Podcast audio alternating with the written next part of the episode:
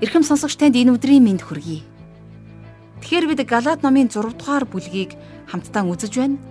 Энэхүү ном маань өндөрлөхөд тун ойртож байгаа. Өмнөх дугаар дээр бид 6 дугаар бүлгийнхээ эхний 5 ишлэлээс сүнсний үр жимс бидний амьдралд хэрхэн ажилдаг тухай харсан. А бас Есүс Христ бидний өмнөөс гим нүглийн маань хүнд хүчээр ачааг өөр дээр авсан тухай ойлгож мөн хамтдаа ярилцсан байгаа. Тэгэхээр бурхны сүнс бидний сул дорой байдалд тусалж өдөр тутмын маань амьдралд хэрхэн сүнс дотор алхаж үний ачаар үр жимс гархан амьдрахад маань тусалдаг болохыг мэдэж авсандаа маш их баяртай байгаа. Христэд итгэсэн хүнийг болгоны амьдралаас салгаж болохгүй нэг зүйл бол түүний ариун сүнс гэдгийг бид улам бүр ойлгон авч байгаа гэдэгт итгэлтэй байна. Тийхүү амьдралдаа сүнсний үр жимс дүүрэн байх юм бол энэ дэлхийд бурхны алдрыг гэрчилж түүний нэрийг тунхаглаж чадна гэсэн үг. Ингээд хамтдаа юу тарина? Мөн түүнийгээ хураадаа гэсэн Паулийн загтлаас үсгээс өмнө энэ цагийг бурхан даатгаж хамтдаа залбирцгаая.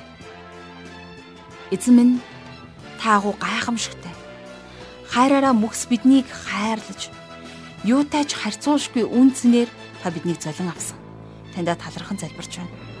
Бид танд очих хөстө бүхий л алдар хүндэтгэл, магтаал талархлын дээдийг үргэж байна Үнэхээр та биднийг дорой гим нүгэлтэй байхад та өөрийнхөө ивэл нэгүслэлээр хайрлаж уучлсан эзэн. Бидэнд мөнхийн итгэл найдварыг өгсөн эзэн билээ. Та биднийг залж чиглүүлж харанхуйн дунд хөтлөн дагуулдаг. Тиймээ энэ цаг мөчийг би таньда таатхан залбирч байна. Ариун сүнсээрээ дамжуулан бидний зүрх сэтгэлд хүрч үгээ хэлээрээ аваа. Үгэнтэй нүн бид зүрх сэтгэлээ нээн ирж байна. Хичээлийн энэ цагийг эхнээс нь дуустал таны мотор даатгаж эзэн Есүсийн нэрээр залбирanгуйж байна. Амен. Ингээд хамтдаа жаргалах шиг хичээлд анхаарлаа хандуулцгаая.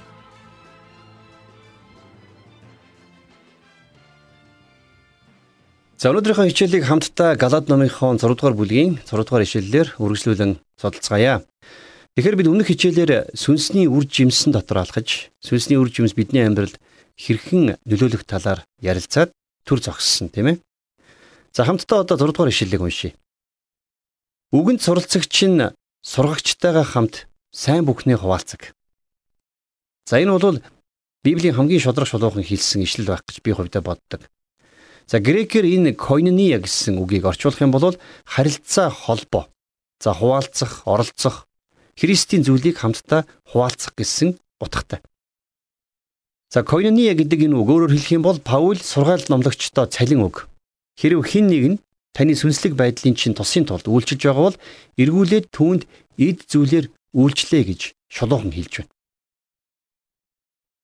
Хэрвээ байж тэ бурхан таныг материалын зүйлээр ивээсэн. Бас таныг хин нэгэн сүнслэг байдлаар чинь өрөөсөн болов та тэр хүний материалын зүйлээрээ ивэж өрөөж байх ёстой. Энэ бол койнония буюу хуваалцахын их үндэс. Заримдаа хүмүүс сүнслэг байдлаар ивэгдэж өрөөгдсөн мөртлөө сүнслэг байдлын ерөөс нь тэр хүнд өгөх хуваалцах тухай огт боддоггүй бүр сандагчгүй. Харин Бурхны үгэнд өөрт чинь үйлчилсэн нэгэнд хуваалцаа гэдгийг сануулж байна. За 7 дугаар эшлэлдэр Паул юу гэж бичсэнийг цааш нь үргэлжлүүлэн уншийе. Бүүм ихлэгд Бурхан илэг доог болохгүй. Юу гэвэл хүн юу тарьснаа л хурааж авдаг. За миний бодлоор энэ Библийн хамгийн алдартай ишлэлүүдийн нэг баха.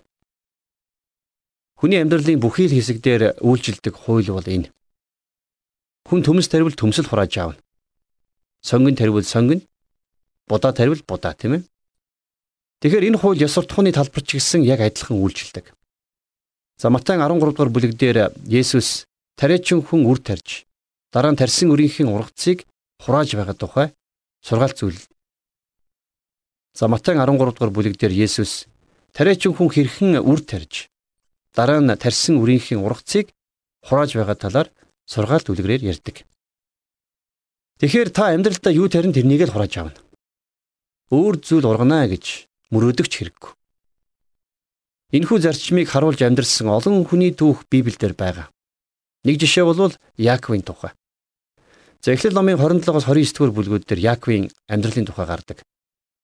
Тэгэхээр юу болж ийнө гэхээр Яаков уухан хүүгийн эрхийг авахын тулд эхлээд Яманы арьс нөмрөн ах Исавтайгаа адилхан болж өтөлж хөгшрөн юм харахаа болсон төрсөн эцгээ хуурсан байдаг тийм ээ.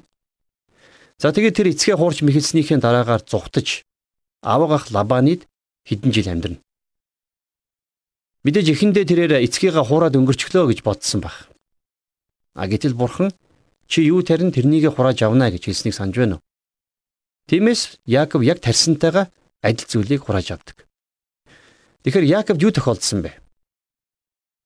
Тэр Лабаны баг охин Рахелд дурладаг. Тэр Рахелтэй суухын тулд бүхэл бүтэн 7 жил Лабанд зүтгэн ажилдаг тийм ээ. За ингээд Рахелтэй суух болж хурмаач хийдэг. Гэтэл хурмынхаа шүн тэр мэхлүүлснээ мэддэг. Юу болсон гэхлээр Лабаны баг охин Рахелтэй биш харин том охин Лиятай Яаков гэрэлсэн байна. За Яаков өмнө нь отхон хүү байсан хэрнээ өөрийгөө том хүү болгож аавыгаа мэхэлсэн тийм ээ. За тэгвэл одоо энэ удаад тэр айлын отхон охинтой суучлаа гэсэн чинь харин том охинтой гэрэлсэн байна. Тэгэхээр хүн юу тарина тэрнийгэ хурааж авдаг болохын нэг бодит жишээ бол энэ байх нь. За өөр нэгэн библийн жишээг би энд дурдъя. За 1-р хаад номын 21-р бүлэг дээр Ахаб хаан хатан Изебел нар Набот гэх хүний усан үзмийн талбайг өөрийн болгохын тулд амийн хороосон тухай түүх гардаг. За Ахаб Наботын усан үзмийн талбайд шуналтаж авья гихт нь Набот худалдахыг хүсэхгүй байгаагаа хэлсэн.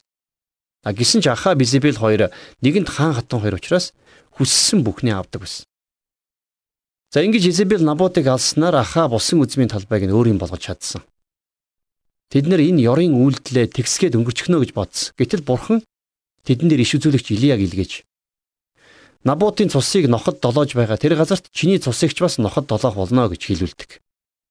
А хожим нь Ахаб тулалдаанд шархтаж морин тэрэгнийхэн хөтчд хандан өтөр түргэн тулааны талбараас гарахыг тушаадаг. Тэрээр тэрэгэн дотроо цус алдсаар үхсэн байна. Ингээд тулаан дууссаны дараагаар тэрний цус болсон тэргийг Самарын нэгэн цөөрөмд угаахад ноход цусын долоож байсан гэж Библи бидэнд хүүрнэдэг тийм ээ. Яг л бурхны хэлсний дагуу болсон хэрэг. За бас нэгэн өөр жишээ байгаа. Энэ бол Паул өөрөө. За Паул яасан гэхлээр өмнө нь Христийн дагалдагч Стефаныг чулуугаар шидэж алахад удирдсан оролцдог тийм ээ. За дараа нь Христэд хэдийгээр итгэсэн ч гэсэн Паул хотын гадаа чулуугаар шидүүлсэн байдаг. Тэгэхээр та тэрний Христэд итгээд аврагдсан юм чинь бүх гим нүгэл нь өршөөгдсөн. Тэгэхээр өмнө хийж байсан үлийнх нь хариу ирэхгүй гэж бодож байж болох юм. Гэхдээ Бурхны хэлсэн хүн юу тарин тэрнийг хурааж авна гэсэн хууль хизээд үйлжилдэг юм. Залуу хүмүүс энэ хуулийн талаар маш сайн ойлгож хараасай гэж би хүсдэг. Тэд нэр арх тамхи, мансууруулах бодис автан өөрсдийгөө зугаацуулах замбраагүй бэлгийн харилцаанд оролцдог. Гэтэл тэд аль хэдийнэ тарьсан тэдгэр зүйлийнхээ үрийг хураагаад эхэлчихсэн байгаа. Өнөөдөр бэлгийн замын халдвар төвчин газар авсан байна. За бас дээрээс нь сэтгцийн эмгэг өвчтөй хүмүүсийн тооч нэмэгдсэн. За мэдээж яагаад гэдгийг хариуг та бэлхнээ мэдж байгаа хөө. Бурхан хэлэхдээ чи ямар гим нүгэл тарина тэрнийхээ дагуу амьдралдаа хурааж авах болно гэж бидэнд хэлсэн юм. Магадгүй зарим хүмүүс өө бид нар Христэд итгээд өөрчлөгдсөн шүү дээ гэж ярьж болох юм. Таны өөрчлөгдсөн чинь гайхалтай. Гэхдээ л та нэг л өдөр хийсэн үлийнхээ үрийг үр дагаврыг түлхэл болно. Та юу тарин тэрнийг л хурааж авна гэсэн үг. Энийг улам илүү ойлгомжтой болгосон ишлэл бол за 8 дугаар ишлэл байна. Хамтдаа Галаад номынхон 6 дугаар бүлгийн 8 дугаар ишлэгийг уншийе. Учир нь махбоддоо таригч нь махбодоос ялзралыг хурааж авна. Харин сүнсэн таригч нь сүнснээс мөнх амийг хурааж авна гэж бичсэн байна. За мөнх амийг хурааж авна гэсэн энэ ойлголтод энэ амьдралын сүнсний үр жимс болон яруу сайхан ирээдүй багтаж байна. Христэд итгэгч хүмүүс Христийн дахин ирэх тал дээр нилээд нухацтай бодож ханддаг байх хэрэгтэй гэж би хувьдаа боддөг юм. Яагаад гэвэл бид нар энэ махан биендээ хийсэн үйлдэл болгоныхоо төлөө Христийн шүүлтийн өмнө тайлгнах өдөр ирнэ. Та бид нар хэдийгээр аврагдсан ч гэсэн хожим Христийн өмнө амьдралаа тайлгнахад ичгэвтер байх болно тийм ээ. За Иохан энэ тухай өөрийнхөө анх дугаар загтал дээр хэлсэн байгаа. За 1-р Иохны 2:28 Бяцхан хүүхдүүдээ одоо та нар түүний дотор бай. Тэгвэл түүнийг үзэгдэх үед бид түүний өмнө зоригтой байж түүнийг ирэхэд өмнө нь ичгүүргүй байх болно гэж хэлсэн байна. Тэгэхээр хэрвээ та махан биедээ захирагдан амьдрах юм бол махан биеийн зүйлсэл гарах болно. Инглигээд мэдээж хүн авралаа алдчихгүй ч гэсэн Христийн өмнө ирэх тэр өдөр та харамсал ичгүүрээр дүүрч шагналаа алдах болно. За үргэлжлүүлээ 6 дугаар бүлгийн 9 дугаар ишлэгийг уншъя. Сайныг үлдэхдээ үл цуцъя. Учир нь бид шантрахгүй байвал цаг нь болохоор хурааж авнаа. За сайныг гүрийж байгаад төвчээртэйгээр үлдэцгээе гэж хэлж байна тийм ээ. А тэгээд цаг нь болохоор бид гайхамшигтай зүйлийг хурааж авах нь. Тэр болтол та бид нар үрээ сайн тариад байх хэрэгтэй. За хэдийгээр амаргүй байж мэдгч гисэн бурхны үгийг тарьсан хിവэрэ байх хэрэгтэй. За энэ тухай хуучин гэрээний Исаи номын 55-ын 10-аас 11 дугаар эшлэлдэр бороо цас Тэнгэрээс бууж ирээд газрыг услахгүйгээр буцдаггүй шиг миний амнаас гарсан миний үг хүслийг минь гүйцэтгэхгүйгээр илгээсэн зорилгыг минь хэрэгжүүлэхгүйгээр над руу хоосон буцаж ирэхгүй гэж бурхан хэлсэн байдаг. Авраам гихч хүн бурханд итгэн бурхантай хамт Канаан нутагт хөл тавьсан. Тэр бурхны хэлсэн бүхнийг дуулууртайгаар дагаж мөнх амийг хурааж авсан. Мосе За Мосегийн ээж тухайн үед маш хүнд нөхцөл байдалд байсан ч гэсэн нялх хүүгээ аврах төлөвлөгөө гаргасан. Тэгэд фараоны охин Мосег олж өөрийнхөө хүүхэд болгосон байдаг. Энэ бүхнийг бурхан гайхалтайгаар зохицуулан Мосегийн төрсөн ээжийг асрагч ихэн хүртэл болгож өгсөн. Төрсөн ээж нь хүүгээ баг багт нь бурхны тухай за бас түүний дуудлагын талаар ярьж байсан. Дараа нь Мосе хүү өсөж том болонгуудаа фараоны ордонд яг л Египт хүн шиг амьдрах болж. Египт улс тэр чигээрээ энэ эмэгтэйн эсрэг байсан гэдгийг бид мартаж болохгүй. Египтийн соёл, гүн ухаан, шашин хүртэл бурхны эсрэг байсан. Мосе хэдийгээр фараоны хааны ордонд амьдарсан ч гэсэн нэгэн цагт Египтийн сайн, муу бүх зүйлийг орхиод бурхны хүмүүстэй хамт өөрийн байх ёстой газар олохоор ордноо орхин явдаг. Энэ бол Мосег төрүүлсэн ээжийнх нь уйггүй тарьсан үрийн ургаж байсан. За дээрэс нь Давид хааны түүх бас энийг давхар гэрчилж байна. Давид бурхны зөргсдгэлийн араас явдаг байсан ч гэсэн бас л гимд унсан байдаг тийм ээ. Тэгээд тэр хэдийгээр гимшин цагаатгагдсан ч гэсэн амьдралдаа тарьсан гим нүглийнхээ ургац хожим үр хүүхдүүдийн амьдралд гарч ирснийг бид хожим мэдэж авсан. За би дахиад хэлье. Бид юу тарин тэрнийг л хурааж авах болно. 6 дугаар бүлгийн 10 дугаар эшлэл.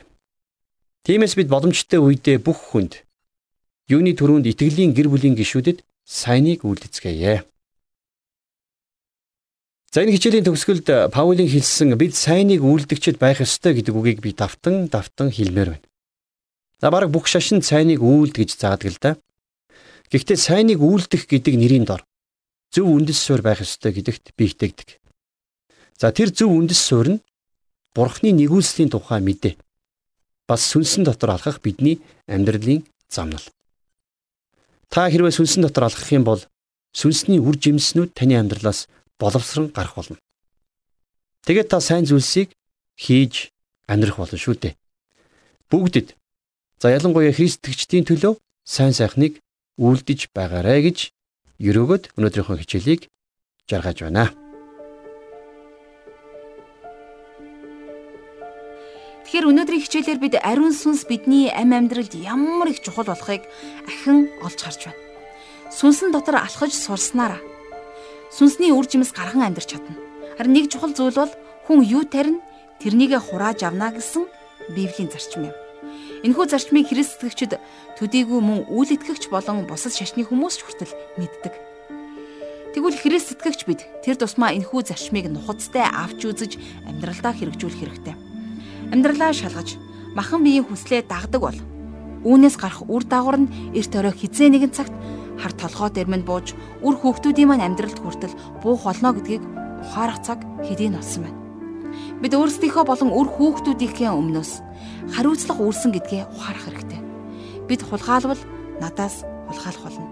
Бид завхаарвал үүнээс гарах үр дагаврыг нь хүртэх болно Би гим нүгэл хийвэл үүнийхээ шийтгэлийг амсах болно. Би худал хийлж хуурам ихэлвэл өөрөө эргээд хууртагдж мэхлэгдэх болно. Монголчууд бид өөдөө хайсан чулуу өөрийнхөө толгой дээр гэсэн үг байдаг. Бас сайн санааны үзүүрт шар досч гэж ярьдаг. Хин нэгэнд хийсэн сайн үйлээс хариу хүлээлгүй. А зөвхөн бурхан далдрыг өргөж сүнсний үр жимстэй амьдрах нь хамгийн чухал. Тиймээс би махан биеийн шунлаас үүдэлтэй үйлдэлийг биш. Харин сүнсний хүслийн дагуу үйлдэхийг сонгож байна. Ингээд биднийг зөв, сайн үр жимсээр хөтлөн дагуулахыг хүсдэг. Бурхан эзэндээ талархаж өнөөдрийн хичээлээ өндөрлцгөөе. Мөнхөд оршигч бурхан эзэн минь та бол гайхамшигтай бурхан. Бидний гим нүглээс маань уучлан цэвэршүүлж авсан бурхан. Та бидний зүрх сэтгэл дотор ажиллаа хийж, та хайр, амар тайван, баяр баясгалан, инэрл нэгүслийг баттхан өгдөг бурхан. Та өөрийнхөө ялалтыг бидний дотор баттгаж өгөөрэй.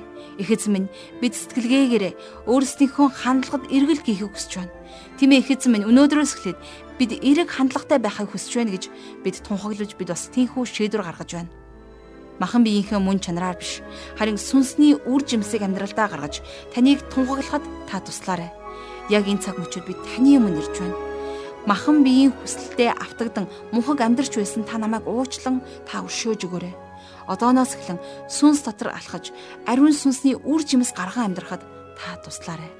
Эзэн минь ээ танд талархаж таны хайртай хүү бидний итгэлийн зохиогч эзэн Есүсийн нэрээр залбирanгуйж байна. Амен.